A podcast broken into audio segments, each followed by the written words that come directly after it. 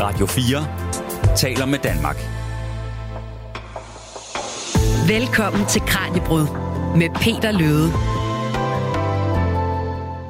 Jeg har altid lidt under, at jeg synes, at min pik er for lille i hele mit liv. Lige så længe jeg kan huske, har jeg skammet mig over det. Det er en følelse, der har præget mit liv, især frem til jeg var midt i 20'erne. Mine teenageår var svære. Jeg så på andre mænd i brusebadet og følte mig dårligt udrustet. Jeg var bange for, om den var for lille til at kunne fungere. Jeg gik i drengeskoler og debuterede først seksuelt, da jeg var 21. Jeg ville gerne tidligere, men hver gang jeg kom tæt på, tænkte jeg, åh oh nej, hun vil tænke, at den er for lille. Ja, sådan her beskriver en mand på 58 sit forhold til det, som han har mellem benene. Det her citat det stammer fra bogen Manhood af den britiske journalist og fotograf Laura Dodsworth, der i 2015 tog billeder af 100 peniser og fik deres ejermænd til at sætte ord på deres forhold til deres kønsdele. Og for en god ordens skyld, så skal jeg lige nævne, at det her citat det er oversat af Nils Ivar Larsen i forbindelse med et uddrag fra bogen, som blev bragt i Information i 2015, og det er altså oplæst af min kollega Kasper Fris. Og som man nok kan tyde ud fra citatet, så handler Kranjebrud i dag om lige netop pikken, lemmet, køllen, eller hvad man nu vil kalde den. For kært barn har som bekendt mange navne. Gennem flere tusind år har penis været centrum for nydelse, maskulinitet og seksualitet, men som vi hørte i klippet, så er kønsorganet altså også for nogen forbundet med sygdom, skam og usikkerhed. Og det er nogle af de her aspekter, som vi skal se nærmere på i dagens program. Min gæst er Jakob Christian Jakobsen, overlæge på afdelingen for urinvejskirurgi på Aarhus Universitetshospital og klinisk lektor på Institut for Klinisk Medicin ved Aarhus Universitet. Velkommen til programmet, Jakob. Mange tak skal du have.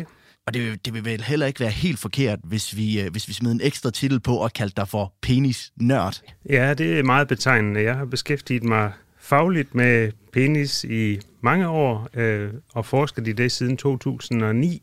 Så hvis nogen er nørd inden for det område, så er det nok øh, mig. Hvordan reagerer folk, når du fortæller dem, at, øh, at du primært arbejder med, med penis? Jamen, de fleste, de øh, har jo sådan en lille fnisen til at indlede med, men så kommer der nogle øh, nysgerrige spørgsmål, og så kan man jo også godt øh, se alvoren i, i jobbet, når man hører, at der er rigtige mennesker med rigtige problemer øh, bagved. Ja, for som vi hører i klippet her, altså, så er der jo en, der beskriver, at han i hvert fald er ked af den måde, som han er udstyret på. Og du har jo talt med mange penisejermænd i, i dit arbejde som, som læge, og selvfølgelig også set på rigtig, rigtig mange af dem. Altså, hvordan beskriver dine patienter typisk deres forhold til deres, deres egne kønsdele? Jamen, det kan jo være øh, utrolig varierende alt efter øh, alder og øh, setting. Jeg har jo et øh, specialistområde inden for peniskræft, og det er jo en meget øh, øh, forfærdelig sygdom at blive ramt af som mand, og det er klart, at mange af de mænd, de er dybt rystet og chokeret, og øh, nogle af dem også øh, delvis øh, benægtende, øh, når vi konfronterer dem med, hvad de fejler. I de, den anden ende af spektret, der har vi jo også de helt øh, små drenge, hvor forældrene bringer dem til undersøgelse, fordi der er noget hævelse eller noget bekymrende, og, og der er det jo langt de fleste tilfælde, at øh, drengen selv har det godt, og så kan man berolige forældrene med, at øh, alt er, som det skal være, og, og så tager de jo glade hjem igen. Så der er jo øh, et vidt spand af, af forhold til, til penis og øh, mange veje ind til en læge omkring penis.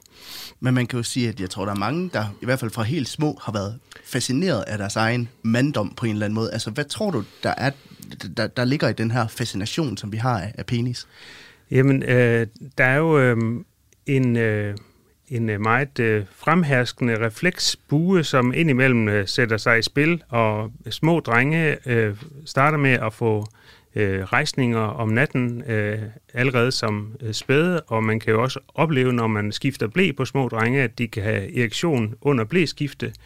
Så øh, noget af det foregår jo i det ubevidste nervesystem, og noget af det kan også øh, have kobling til øh, sociale situationer, når vi bliver øh, teenager og, og unge voksne og, og voksne, at vi begynder at indgå i sociale sammenhænge eller intime stunder, hvor der også kan være et, øh, noget bevidst, der kan i gang sætte de her reflekser.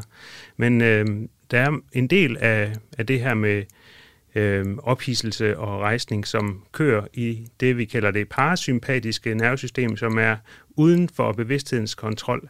Øhm, nogen kender måske det her fænomen med, at man kan gå forbi en, en hæk, der dufter øh, berusende om foråret, og så lige pludselig kan man få rejsning bare ved at dufte til noget. Og det forstår vi jo ikke helt rigtigt, hvorfor. Øh, men det er et fænomen, som mange mænd oplever. Og man kan sige, at du møder jo patienter, der både har problemer af den ene eller den anden art med, med, med understillet, men du har også forsket i pikken og for nylig udgivet den her bog, som simpelthen bare hedder penis, det er en del af den serie, der hedder Tænkepauser. Og må ikke de fleste har prøvet det her med at, at tegne en diller på et, på et stykke papir, eller et eller andet i den stil, eller i hvert fald fnis lidt af en strategisk placeret banan med nogle kiwier. Altså, vi er uden tvivl meget fascineret af det her med lemmet, og det kommer du også ind på i din bog. Men hvor kommer din egen fascination af, af penis fra? Jamen, øh, jeg tror, at øh, på det helt øh, basale område, der adskiller jeg mig ikke fra øh, hovedparten af, af øh, de personer, der har en penis, at øh, man bliver nysgerrig i en vis alder, ikke? Og så øh, jeg har jeg jo uddannet mig til læge og senere til øh, speciallæge i urinvejskirurgi, og under den øh, speciallægeuddannelse, der fik jeg jo så en mere faglig tilgang til området, fordi jeg øh, så et felt, som lå øh, uopdyrket, og hvor der ikke rigtig var noget systematisk viden, og så øh, kastede jeg mig over det øh, felt, og har i al beskedenhed øh, præget det her over de sidste øh, øh 14-15 år. Og nu er det jo en del af den her serie, der hedder Tænkepauser. Altså, hvorfor er penis værd at, at, tænke over? Jamen altså, der er jo en øh, del tabuer omkring øh, det her med penis, og det er jo også noget af det, som øh, jeg prøver øh, lidt at beskrive i bogen, at nogle gange så kan vi opleve, at mænd, som, som øh, har problemer, de er noget nølende med at komme til lægen. Øhm, om det har noget på sig, det ved jeg ikke, men jeg postulerer også lidt i bogen, at at det her med øh, forsinket opdukken hos lægen øh, med penislidelser, øh, det måske er en generel, øh, eller en, en, øh, en, øh, et fænomen, som vi også generelt kan se hos mænd, at mænd er lidt dårligere til at komme til lægen, når de fejler noget, end, end kvinder. Så på den måde så er, er penissygdommen måske den ekstreme, ek, den ekstreme eksponent for mænds nølen med at opsøge sundhedsvæsenet. Og hvad det skyldes, det ved vi ikke rigtig noget om. Men man kan også sige, at altså, dealeren, den er jo den er jo lidt sjov, den er jo et styrkesymbol, den er et maskulin symbol, den er jo alt muligt. Altså, er du selv blevet klogere på, på penis ved, ved at skrive den her bog? Ja, det er klart, at øh, mit øh, specialistområde, det er det her med peniskræft, så jeg mm. har også øh, bevæget mig uden for det underartede, uden for de underartede penissygdomme, mens jeg skrev den her bog, og læst øh, blandt andet en hel del mere om øh, rejsningens fysiologi, end jeg, som, som normalvis ikke er mit øh, særområde, øh, så jeg har bevæget mig lidt ind på andre kollegers øh, domæner og, øh, og lært noget nyt, så det har været en spændende rejse. Og nu nævnte det her med, at du gik ind i, i penis, penisens verden, for, for at sige det på den måde, der var det sådan et område, der ikke var forsket helt vildt systematisk i. Altså, hvor har dit, din egen interesse ligget, og, og, og hvad har overrasket dig mest ved, ved det, du har forsket i? Jamen, øh, jeg har lavet en PhD om, øh, øh, hvordan man øh, finder ud af, om peniskræft har spredt sig til lymfeknuder i lysken. Og det her med, ja. at kræftsygdom spreder sig, det er jo et universelt fænomen, man ser ved mange kræftsygdomme. Og det, der er særligt ved peniskræft, det er, at peniskræft har en usædvanlig forudsigelig måde at sprede sig på. Så det er kun en ud af 200 mænd med spredning af peniskræftsygdom, hvor spredningen kan springe over lymfeknuder i lysken. Så det vil sige, det at undersøge lymfeknuder i lysken hos mænd med peniskræft, det har en meget høj øh, forudsigelseskraft i forhold til, om sygdommen har spredt sig. Så det har været mit, øh, hvad skal man sige, intense forskningsfelt, og så har jeg også øh, bredt mig ud i andre områder inden for forstadier til peniskræft og peniskræft, og indimellem også noget med nogle ulykkestilfælde, der kan ramme penis. Men hvor meget er der generelt set forsket i penis? Nu, nu siger du selv, at du, da du kom ind i det, der, der var der ikke så meget systematisk forskning, men, men hvordan ser det ud nu? Er vi blevet klogere på penis i, i den tid, du har, du har været i gamet? Ja, det er, det er vi, og det skyldes øh, ikke øh, kun min indsats, men det skyldes jo også, at øh, i de her år sker mange øh, øh nye landvindinger inden for lægevidenskaben generelt, så der kommer øh, Øh, nye værktøjer til, så vi kan blive klogere på ting helt ned på de mindste molekylers niveau, øh, det vi kalder molekylærbiologiske undersøgelser, og der er vi også så småt i gang med at undersøge øh, forhold øh, ved penissygdomme. Du lytter til Radio 4. Og lad os prøve at kaste os over og blive lidt klogere på det her organ, der jo altså hænger mellem benene på godt 50 procent af den danske befolkning. Og øh, lad os starte med at høre et citat mere fra den her bog, Manhood, igen oplæst af min kollega Kasper Fris. Og det kommer altså fra en mand på 92. Indtil jeg var 87, havde jeg normale følelser omkring sex og om, hvad der tænder mig. Men alt det er forsvundet med min demenssygdom. Hvis jeg ser porno i dag, føler jeg ingen ophidselse. Jeg kan ikke få erektion længere. Indtil for et par år siden kunne jeg stadig masturbere en gang imellem, men nu er det slut. Og Jakob Christian Jakobsen, lad os prøve at blive lidt klogere på det her med manddom, både som organ, men også hvordan den udvikler sig gennem livet. Altså, der er jo nogle dyr, der har en decideret penisknogle, kunne jeg læse mig frem til, men det har vi ikke. Altså, hvad består penis så af? Jamen, øh, den menneskelige penis, den øh, består af tre øh, bindevævs øh, hylstre, eller pølser, om man vil. Øh, det er dem, vi kalder svulmelæmerne. Der er to store, som ligger øverst og ved siden af hinanden, øh, og så er der en øh, lille, som, eller en lidt mindre, som ligger imellem de to øh, på undersiden. Det er der, hvor urinrøret ligger indeni. Og den øh, mindre, det mindre svulmelæme, det er så det, der bliver til penishovedet, når man kommer ud på spidsen af penis. Og det, man skal vide, når man kigger på en mand, det er, at der er stort set øh, lige så meget penis øh, inde i kroppen, som man kan se udvendigt. Og hos nogle mænd øh, er det måske øh, 4 øh, eller 3 femtedel, alt efter hvor, hvor meget underhud man har, altså hvor overvægtig man er. Men øh, de fleste mænd har en stor del af penis inde i kroppen. Hvad ligger der i det? Altså ser penis ud på samme måde inde i kroppen, som den ser ud uden på kroppen? Ja, altså bortset fra, at den ikke er beklædt med hud, så øh, de indre strukturer, det er de samme. Så det er de stramme, samme sulmelemmer, der fortsætter ind øh, i bunden og hæfter på vores øh, bækkenknogler og nogle muskler, der omskeder øh, øh, svulmelemmerne. Øh, så det er sådan strukturen. Øh, tre øh, svulmelemmer, der normalvis, når penis er slap, så er de øh, relativt blodtomme, og så er de fyldt med en masse små hulrum, som så kan fyldes med blod, når man får rejsning.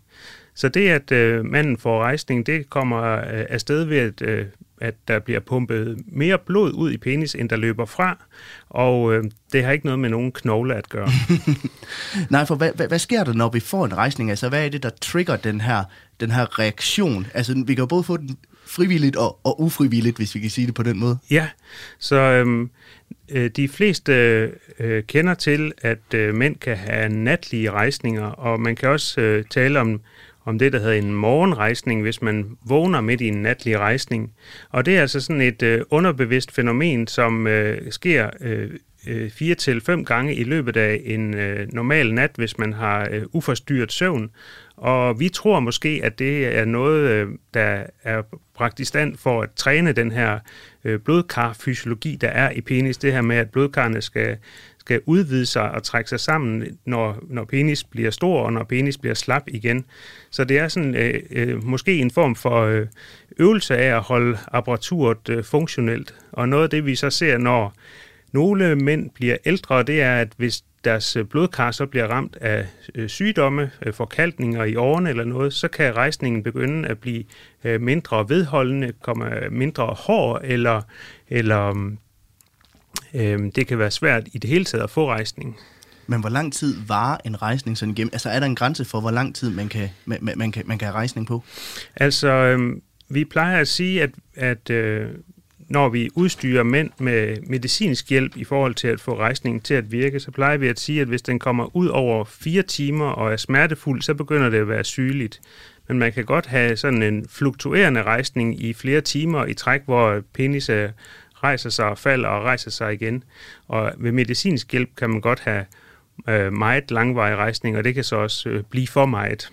Og lad os prøve at dykke lidt ned i det her med, hvordan penis rent faktisk udvikler sig gennem alderen. Altså nu hørte vi fra en mand på 92 her, som desværre ikke længere kan, kan, kan få rejsning. Altså vi starter jo alle sammen som piger, skriver du i din bog. Altså hvad ligger der i det, og, og hvad sker der derfra? Ja, hvad ligger der i det? Det er noget øh, øh, fosterudviklingsteknisk, at øh, vi, vi, vi skabes alle sammen som et, øh, et, et øh, et foster, som kan udvikle sig i begge retninger. Øh, og så har vi noget, der hedder sådan en, en kønsknude eller en genital tuberkel, og den kan så blive til øh, klitoris hos øh, individer, der udvikler sig i, i en øh, retning mod kvindekøn, og det kan blive til penis i øh, individer, der udvikler sig i retning mod øh, mandekøn. Og så er der alle mulige øh, øh, forhold, hvor det ene kan være til stede, mens det andet øh, også findes.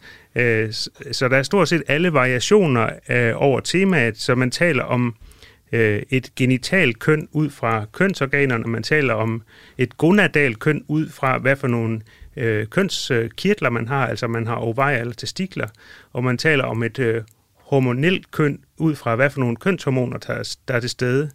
Og det har vist sig, at det er helt afgørende, at øh, den øh, udvikling, der går frem mod, at man får en penis, den bliver drevet af, at man har en funktionel, øh, et funktionelt system omkring det mandlige kønshormon.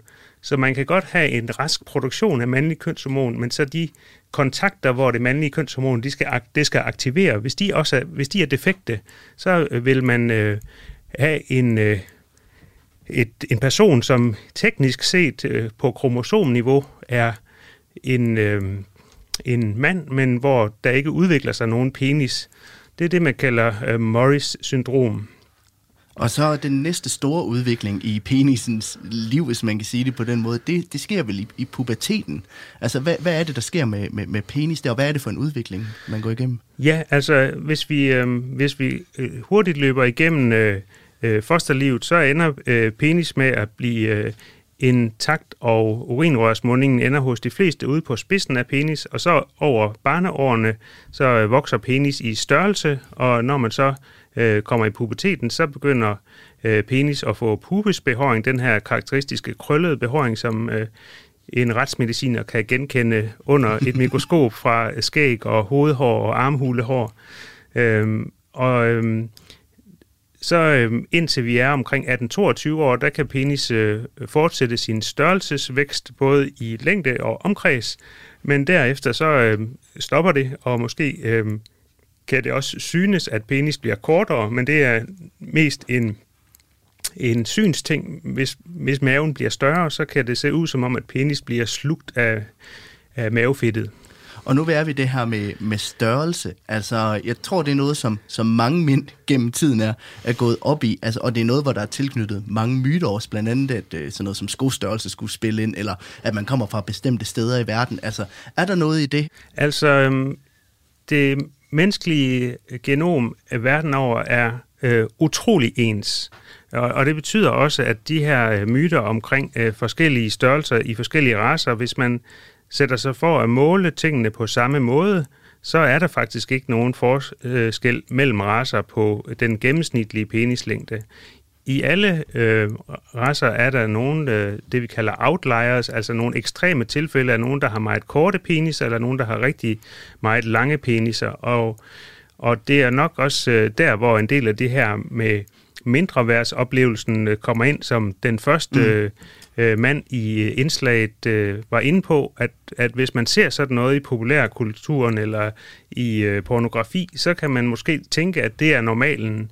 Og øh, normalen er jo, at man øh, at der er en bred variation for, hvad der er normalt mellem 3 og 15 cm, og i slap tilstand er den gennemsnitlige penis 9 cm og vokser til 13 cm i, i ageret tilstand. Så man kan sige, at, øh, at gennemsnittet, det, øh, det, øh, langt de fleste mænd, de ligger faktisk inden for en eller anden gennemsnit, der, der er relativt bredt. Ja, det er meget bredt, og det tænker jeg også, det er værd at fokusere på. Øhm, hvis man er bekymret for penislængden, som den første mand i indslaget. Det er vigtigt at, at få sagt her, at, at man skal ikke øhm, gå så meget op i det. Det er egentlig ikke øh, det, som de fleste partnere til, til øh, mænd, som, øh, som bliver spurgt, det er ikke det, de går op i ved, i forhold til øh, det seksuelle samkvem. Det er mere selve oplevelsen. Øhm, altså det, det her med at have en intim stund og blive stimuleret, betyder mere for de fleste partnere end, end øh, selve længden. Så øh, i en større øh, undersøgelse, der er udført i England hos øh, mere end 10.000 øh, partnere øh, til personer med penis, der øh, svarede kun 14 procent, at de ville ønske, at deres øh, partners penis var længere, mens øh, 84 procent var tilfredse med, med længden. Så det her med, at det ikke er størrelsen, men gørelsen, det er der rent faktisk, øh, det er der rent faktisk noget om? Ja. Øh, altså, men kan en penis så, kan den blive for lille eller for stor, altså i de her ekstreme tilfælde? Kan der være tilfælde, hvor det kræver en operation, enten i den ene eller den anden retning? Altså, der er nogle medfødte misdannelser, øh, som hvor man godt kan argumentere for, at en operation kan øh, have sin plads, men at få opereret penis længere af kosmetiske årsager, det giver sjældent mening, og det er sjældent umagen værd.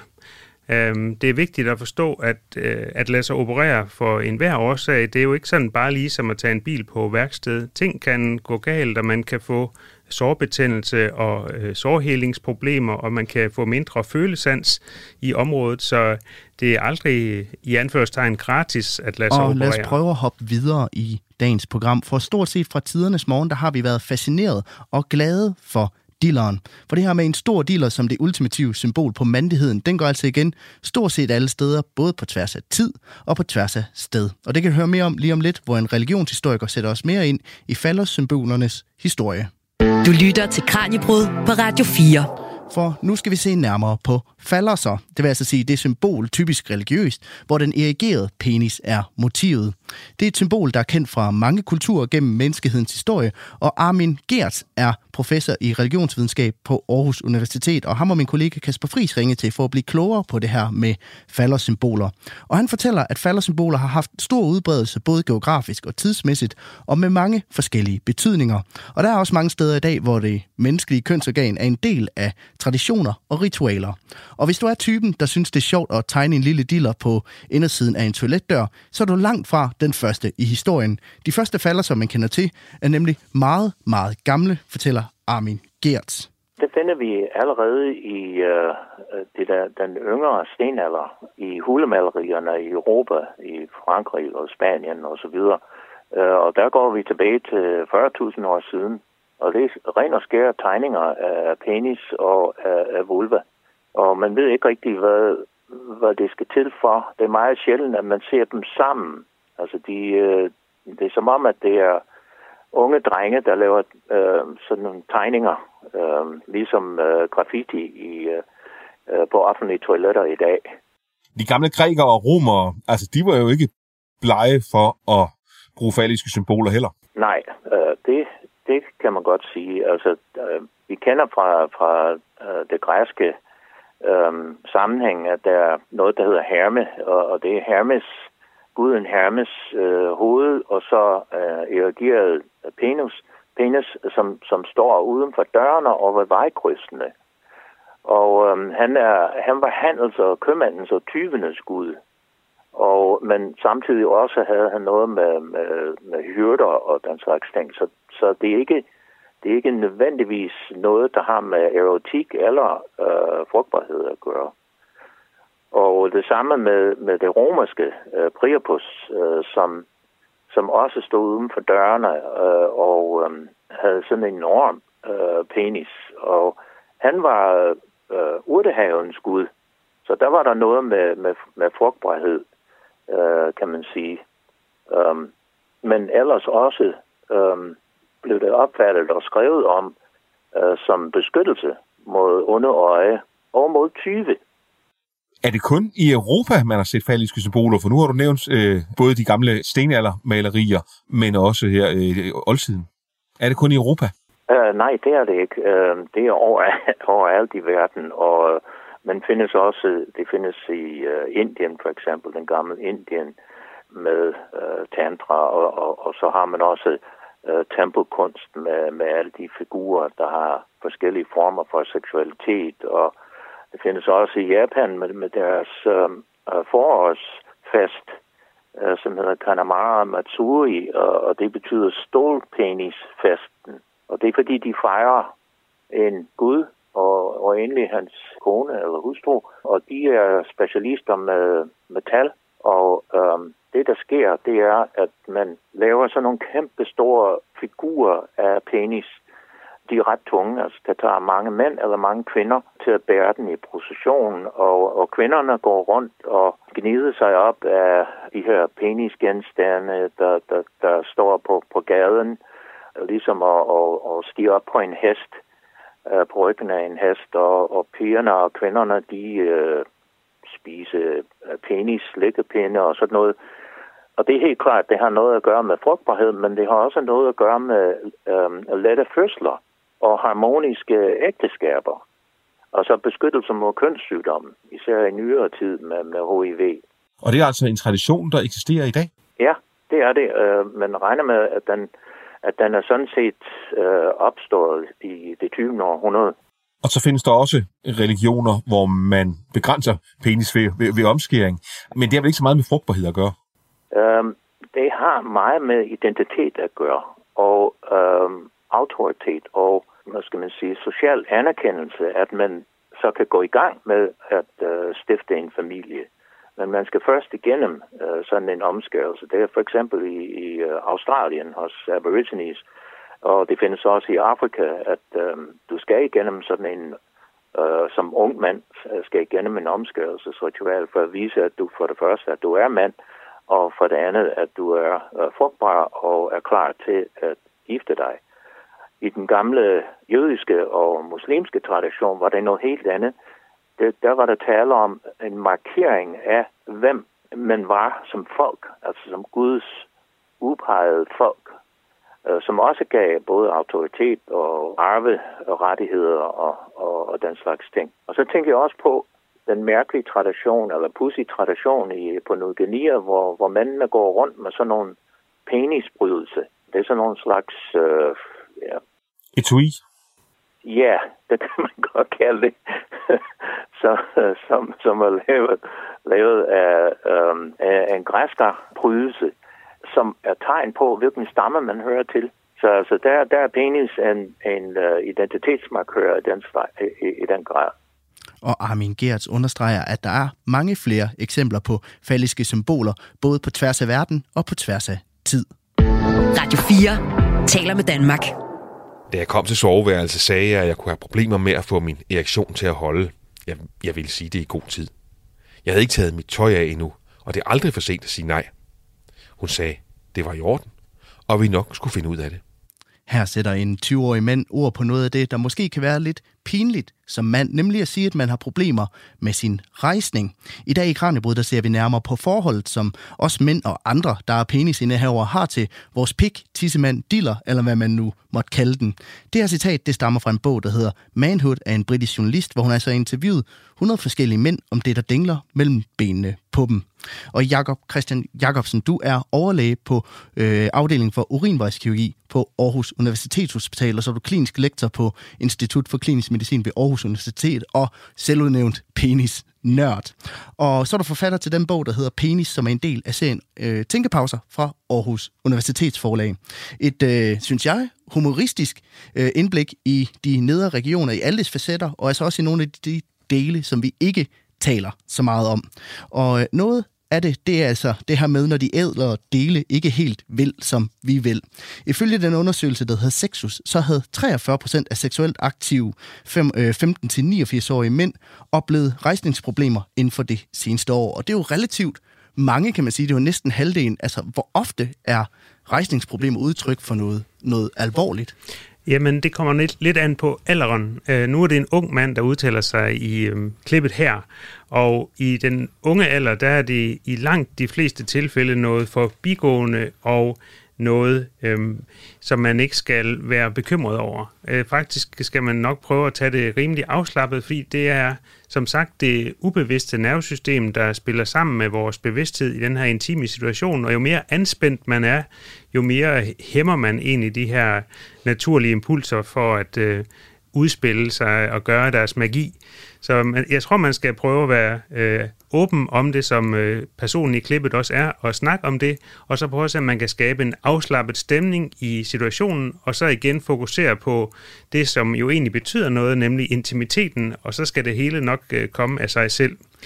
Det skal dog siges, at der er jo også nogle unge mænd, som har vedvarende problemer med rejsning, og de skal øh, gå til læge og få øh, undersøgt, om der er noget øh, hormonelt, øh, som, som spiller dem et pus, eller nogle gange kan det også være bivirkninger til noget medicin, man er nødt til at tage, og så kan lægen måske hjælpe med, at man kan øh, prøve noget andet medicin, end det, som giver rejsningsbesvær som bivirkning.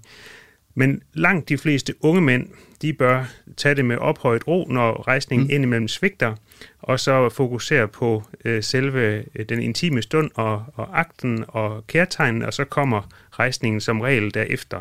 Hvis man har brug for et selvtillidsboost eller noget at læne sig ind i i anførselstegn, så kan man bede sin læge om at få en øh, tablet til at understøtte rejsningen, så man har noget øh, medicinsk hjælp til at komme godt i gang. Og så kan man, for de fleste, kan jeg så lægge tabletten øh, til siden, når øh, hvad skal man sige, de værste spændinger eller den værste nervøsitet er overstået. Ja, for jeg tror, mange har prøvet at stå i den situation, at man er nervøs eller stresset, eller noget i den stil, der påvirker en udefra. Altså, i hvor høj grad er det en fysiologisk reaktion, og i hvor høj grad er det, er det noget psykologisk, man, man skal gå ind og arbejde med? Jamen altså, øh, for de få mænd, hvor det er noget hormonelt eller bivirkninger til medicin, der er det jo noget rent medicinsk, der skal gøres. Og nu taler vi den unge aldersgruppe. Mm. Øh, og der vil det i mange tilfælde, specielt hvis det er en ny partner eller en presset situation, så er det, vil det i mange tilfælde være noget øh, psykologisk, der, der skal løsnes op for. Og der kan det hjælpe bare at snakke om det. Men øh, hvis vi bevæger os øh, lidt op i øh, aldersgrupper, altså op i, øh, i 50'erne og 60'erne og i, i særdeleshed ind i 70'erne og 80'erne, så begynder det mere og mere at være et, en blodkarsygdom, at man har svært ved at få rejsning. Lidt ligesom man kan få forkalket blod over i hjertet, øh, som kan give øh, forbigående brystsmerter eller decideret blodprop i hjertet, så kan man også få øh, øh, stivere blodkar omkring øh, kønsorganerne, og det kan så gøre, at rejsningsevnen enten ikke er så vedholdende eller decideret svigter. Og faktisk er det sådan, at, at fordi blodkarrene i penis er lidt mindre end dem i hjertet, så kan man øh, nogle gange forudsige hjertesygdom øh, 3-5 år øh, før ved at kigge på mandens rejsningsbesvær. Så det at få øh, fysiologisk rejsningsbesvær, hvor det er blodkar, øh, øh, der, der, hvor det kniber med blodkarne, øhm, det kan altså nogle gange være en sladerhang for hjertesygdom. Men altså, jeg tror, man kan sige, en af de største bekymringer, når man står i den her situation, er jo nok det der med, kommer den igen, den rejsning på et tidspunkt? Og nu nævnte du det her med, at man, man skal søge læge, når det, når det er vedvarende. Altså, at hvis man har haft en, en stresset uge, og den ikke lige vil, som man ville i den her uge, er det, er det grund nok, eller hvor lang, hvor lang tid skal man have det her problem, før det, det er alvorligt? Ej, jeg vil sige, at øh, en, en enkeltstående tilfælde, hvor den ikke vil op og stå, som man selv vil, det er alt for let til at være bekymret. Øh, så det skal være øh, gentagende forsøg under de rette omstændigheder. Og her mener jeg, at man har givet sig selv og partneren øh, chance for, at øh, der, der har været en afslappet stemning og en god, rolig stund. Øh, og hvis de rette betingelser er der, og, og man føler noget for den anden, øh, så... Øh, så skal man nok være bekymret, hvis det gentager sig uge efter uge. Så, så, så hvis man har vedvarende rejsningsbesvær igennem en, en måned, øh, så vil jeg nok gå til læge, for det kan jo også være, at man, man så kan få fokus på, hvad det er for nogle psykologiske mekanismer, der, der spænder ben, eller fysiologiske, hvis det er øh, en af de sjældne tilfælde, hvor det er noget fy- fysiologisk. Og nu har vi været lidt inde på det, det her med Viagra, altså den her lille pille, der kan, der kan hjælpe en lidt på vej. Altså i, i, i hvor, mange, hvor, hvor gralt skal det være, før det er en, det er en god løsning? Jamen, øh, det er jo øh, lidt op til den enkelte, kan man sige. Så det, hos nogen, hvor det psykologiske spiller der men pus, der kan det være en god, øh, et go- godt fysiologisk rygstød, så man ligesom har en sikkerhed og ved, at man har gjort, hvad man kunne for, at øh, der er mulighed. ja. Men jeg, jeg synes da bestemt, at man skal starte i relationen og være sikker på, at man føler noget for sin partner, og at alt det er på plads, før man går ind i den medicinske boldgade.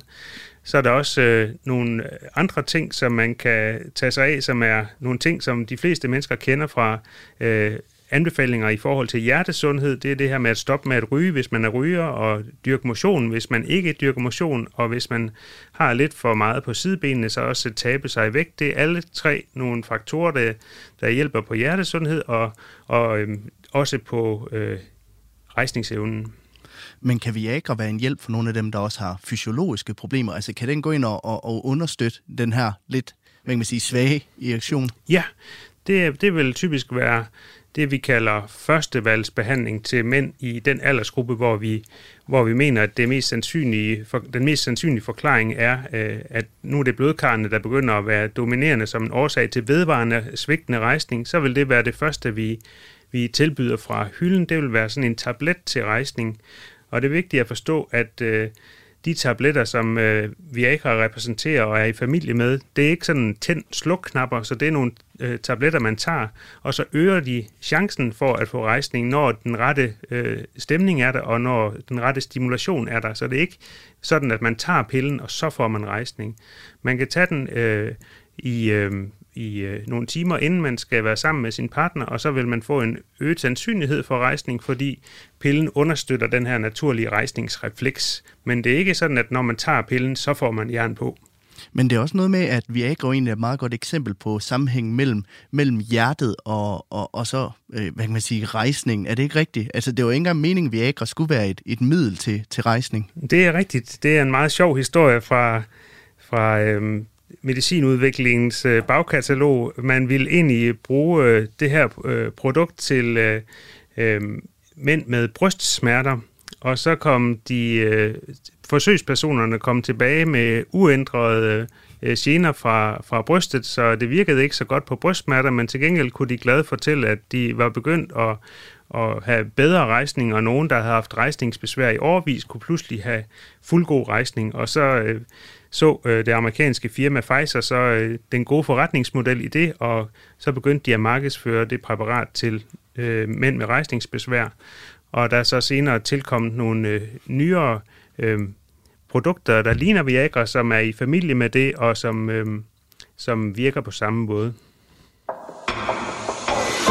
Du lytter til Radio 4. Og i forlængelse af det, så lad os tale om den anden type af problemer, der kan være mellem benene, nemlig sådan sygdomme og andre ubehageligheder, der kan overgå de ædlere dele. En af de sådan, mest udbredte, som du også nævner i, i din bog her, altså det er jo forhusforsnævring, som jeg kan forstå rammer sådan knap 10% af, af syvårige drenge. Altså, hvad indebærer den her lidelse?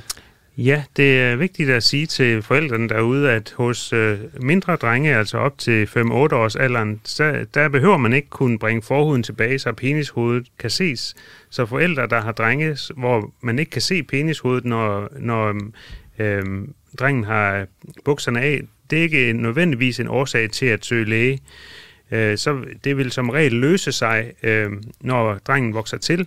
Og hvis det ikke løser sig, så kan man øh, få noget binyrbarkcreme og smør på øh, forhuden øh, over nogle uger, uden at øh, belaste forhuden, og herefter kan man smøre, mens man så belaster forhuden, fordi at cremen gør, at, at forhuden bliver mere elastisk, og så kan man på den måde skabe plads til, at forhuden kan bringes tilbage, så penishovedet bliver synligt. Så øh, forhudsforsnævring er den tilstand, hvor forhuden er fremme, uden at den kan bringes tilbage og gøre penishovedet øh, helt synligt, helt op til kraven mellem forhuden og penishovedet. Og det egentlige problem opstår vel egentlig, hvis den her tilstand var ved ind i ind i teenage- og voksenlivet? Ja, vi øh, vil gerne, at man øh, kan få forhuden tilbage og gøre sig rent derinde, fordi det er øh, ret sandsynligt, at det, at man ikke kan gøre sig rent derinde, det er forbundet med en større risiko for nogle sygdomme, og også nogle ret alvorlige sygdomme, som det her peniskræft, vi har været inde på tidligere i dag. Men gør det ondt for husforsnævning? Der er nogen, der har en variant, hvor der er et meget stramt bånd, så når manden har rejsning, så øh, det her stramme bånd, det kan så, så kan huden revne, og så gør det ondt, at huden revner. Men når penis er slap, så er det ikke smertefuldt at have forhusforsnævring, og der er også mange mænd, der lever i årvis med forhusforsnævring, uden at få noget gjort ved det.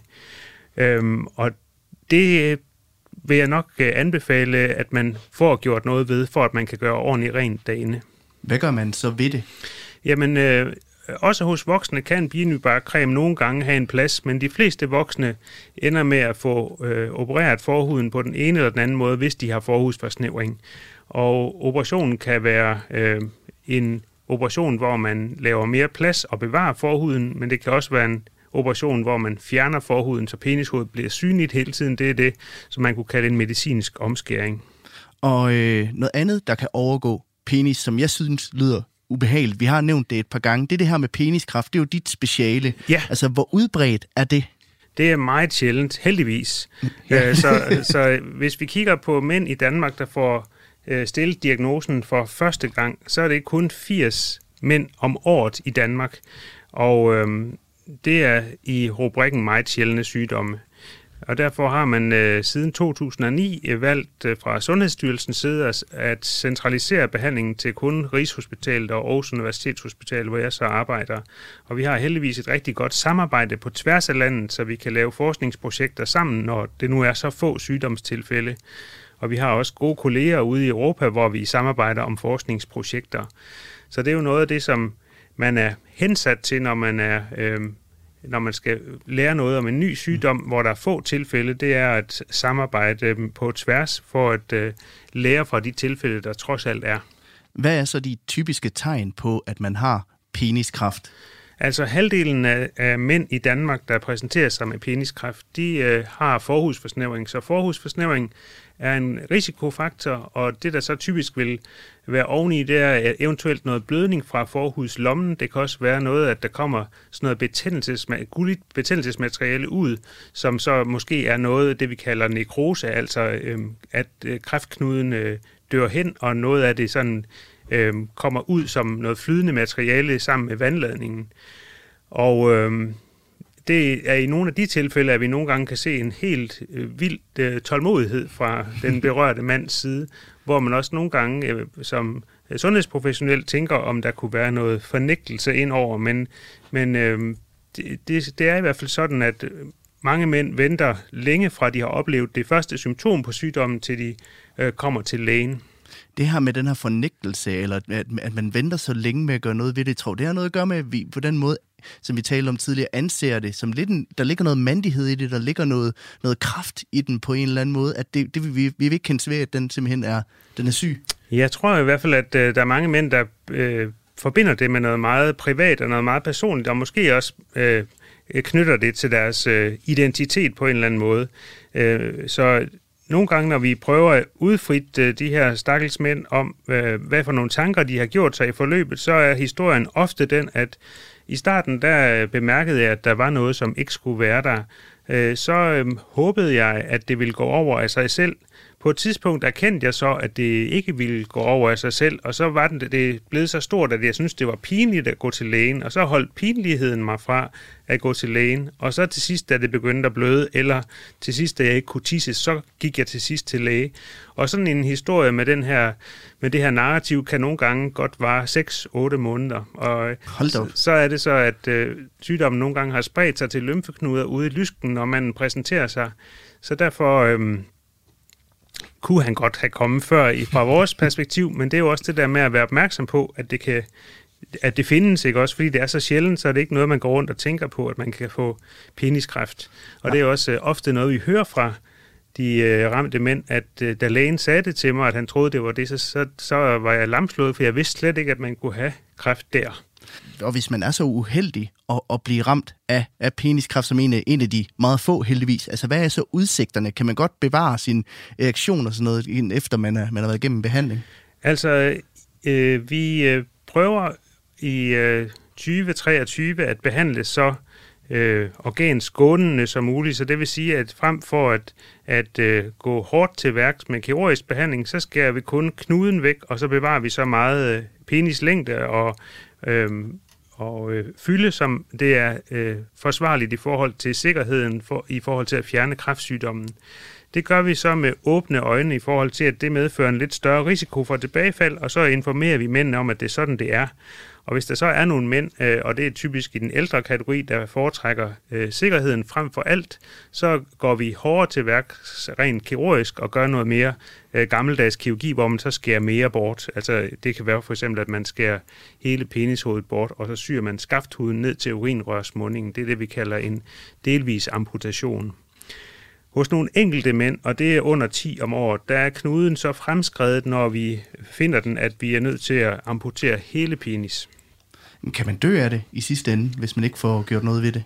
Der er mænd i Danmark, der dør af peniskræft hvert år, og det er jo så ofte dem, hvor sygdommen når at sprede sig for langt. Jeg synes, det er vigtigt at få sagt her også, at der findes en øh, komplet godartet knudesygdom, som ofte bliver øh, øh, fejlfortolket som peniskræft og det er sådan en knudesygdom, der hedder Peyronie's sygdom, eller krummerik på dansk. Og der mærker man en knude, som ligger inde under huden. Peniskræft, det er altid noget, som man kan se udvendigt. Altså det, hvis, man, hvis man ikke kan se penishovedet på grund af forhudsforsnævring, så kan peniskræften godt være øh, skjult under forhuden, men den er altid udvendig, altså uden på huden. Øh, og Peyronie-sygdommen, den ligger inde under huden, så der mærker man en knude inde i svulmelæmerne. Og det er en relativt almindelig sygdom, og det skal man altså ikke være bekymret for. Det er... Du lytter til Kranjebrud på Radio 4. Hvorfor fanden skal jeg igennem 9 timers kirurgi, hvis jeg kun får en kort pik? Så kan jeg lige så godt få mig en i ordentlig størrelse. Så jeg fik i stedet en inderlårsfalloplasti, hvor kirurgerne tog nerver fra armen og inderlåret, som de hægtede fast i klitorisnerven for at muliggøre erotisk stimulation. Nerverne vokser og forandrer sig stadig. Det bliver nok aldrig det samme som en rigtig pik, men jeg synes, det er vidunderligt. Og vi begynder så småt at bevæge os ind i de sidste 10 minutter, vi har sammen i dag, Jakob Christian Jacobsen. Måske skal jeg lige nævne, at du er overlæge ved afdeling for urinvejskirurgi på Aarhus Universitetshospital og klinisk lektor på Institut for Klinisk Medicin på Aarhus Universitet. Og som sagt, udnævnt penis nørd. Og jeg har jo inviteret dig i studiet, fordi du har skrevet den her lille bog om penis i alle dens facetter. Og nu har vi talt ret meget om pikken som et symbol på mandighed og mænds forhold til deres penis. Men nu om dagen, så det her med køn, det er jo blevet en anelse mere nuanceret, kan man vist godt sige. Derfor så vil jeg gerne have i de sidste minutter se lidt nærmere på penis i 2023, i en tid med mere flydende kønsbegreber, og hvor du jo godt kan have en penis, uden at du nødvendigvis er en mand. Og øh, oplever du, at det her syn på penis som noget mandigt og som et, et sådan maskulin symbol, at, at det ændrer sig? Altså det er i hvert fald øh, blevet mere øh, præsent i, den, i det offentlige rum, og også blandt øh, patienter, at man øh, vedkender sig sit sociale køn. Øh, altså det er ikke nødvendigvis, at fordi man er øh, har fået tildelt øh, en kønsbetegnelse som dreng ved fødslen, at man bliver ved med at holde fast i, at man så er en mand resten af livet. Øh, så de her øh, transpersoner ser vi også i vores klinik, så nogle gange kan jeg godt opleve, at der kommer en, øh, en øh, person med øh, langt lyst hår og neglelak og makeup, som så skal have undersøgt sin øh, penis, når vi er i, i enrum i undersøgelsesstuen. Så øh, man, må, øh, man, må være, man, må, man må være åben over for det, og så øh, behandle de personer lige så godt som en, en hvilken som helst anden patient. Hvordan oplever du, at de her patienter, de så forholder sig til deres penis? Altså, øh, der er jo øh, meget forske- det er meget forskelligt. Øh, nogen øh, vil øh, gerne bare blive ved med at se ud, som de er født, og, øh, og lever med det, og nogen øh, kan opleve, opleve det, der hedder gender dysphoria, altså øh, kønsdysfori, hvor man bliver i en dårlig sindstemning eller halvdeprimeret, fordi man er ked af, at ens øh, udvendige kønsorganer ikke svarer til den øh, oplevelse, man har af sit eget køn. Men hvad kan man så gøre? Der er jo nogen, der får lavet de her kønsbekræftende operationer. Altså, det er vel en mulighed, men det er også et enormt indgreb. Er det ikke rigtigt? Jo, og nogle gange er det jo også en lang række af, af indgreb. Så jeg synes, det er vigtigt som kirurg at understrege, at kirurgi er ikke så simpelt som at tage en bil på værksted. Kroppen er jo biologisk materiale, der danner arvæv, og der kan blive ramt af sårbetændelse og arvævskrumpning, der er uforudsigelige, og mange gange, når man opererer folk, så kan der komme en mindre følsomhed i området.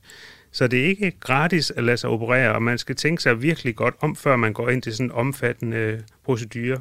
Jeg siger ikke, at man ikke skal gøre det. Man skal bare være opmærksom på, at kirurgi er ikke som at tage en bil på værksted. Men øh, dagens program begynder jo faktisk også så småt at, at gå på held og nå sin ende. Men jeg vil gerne høre dig her til sidst, Jakob Christian øh, Jacobsen. Hvis der var en ting, som du som læge og penisforsker og penisnørd vil ønske, at mænd de vidste om deres understil, hvad skulle det så være? Jamen, jeg synes jo, at øh, det er vigtigt i, i al den her snak øh, om sygdom også at få understreget, at, øh, at der er jo en hel masse glæde og fornøjelse forbundet med penis, og det oplever vi også øh, hos øh, en lang række af vores patienter, selv dem, hvor vi har øh, fjernet halvdelen af penis, at de stadigvæk kommer og beretter om, at den kan give glæde og fornøjelse, og man stadigvæk kan øh, gennemføre øh, samleje og, og øh, have udløsning. Så det er jo vigtigt for manden at også omfavne alle de glæder, som øh, kopulationsorganet gemmer på. Det bliver det sidste ord. Tusind tak, fordi du ville føre mig ind i en verden, som jeg kigger på hver dag i badet, men har lært lidt mere om i dag. Tak fordi jeg måtte komme. Du lytter til Radio 4. Det var alt for Kranjebrud i denne omgang. Tusind tak, fordi at du lyttede med.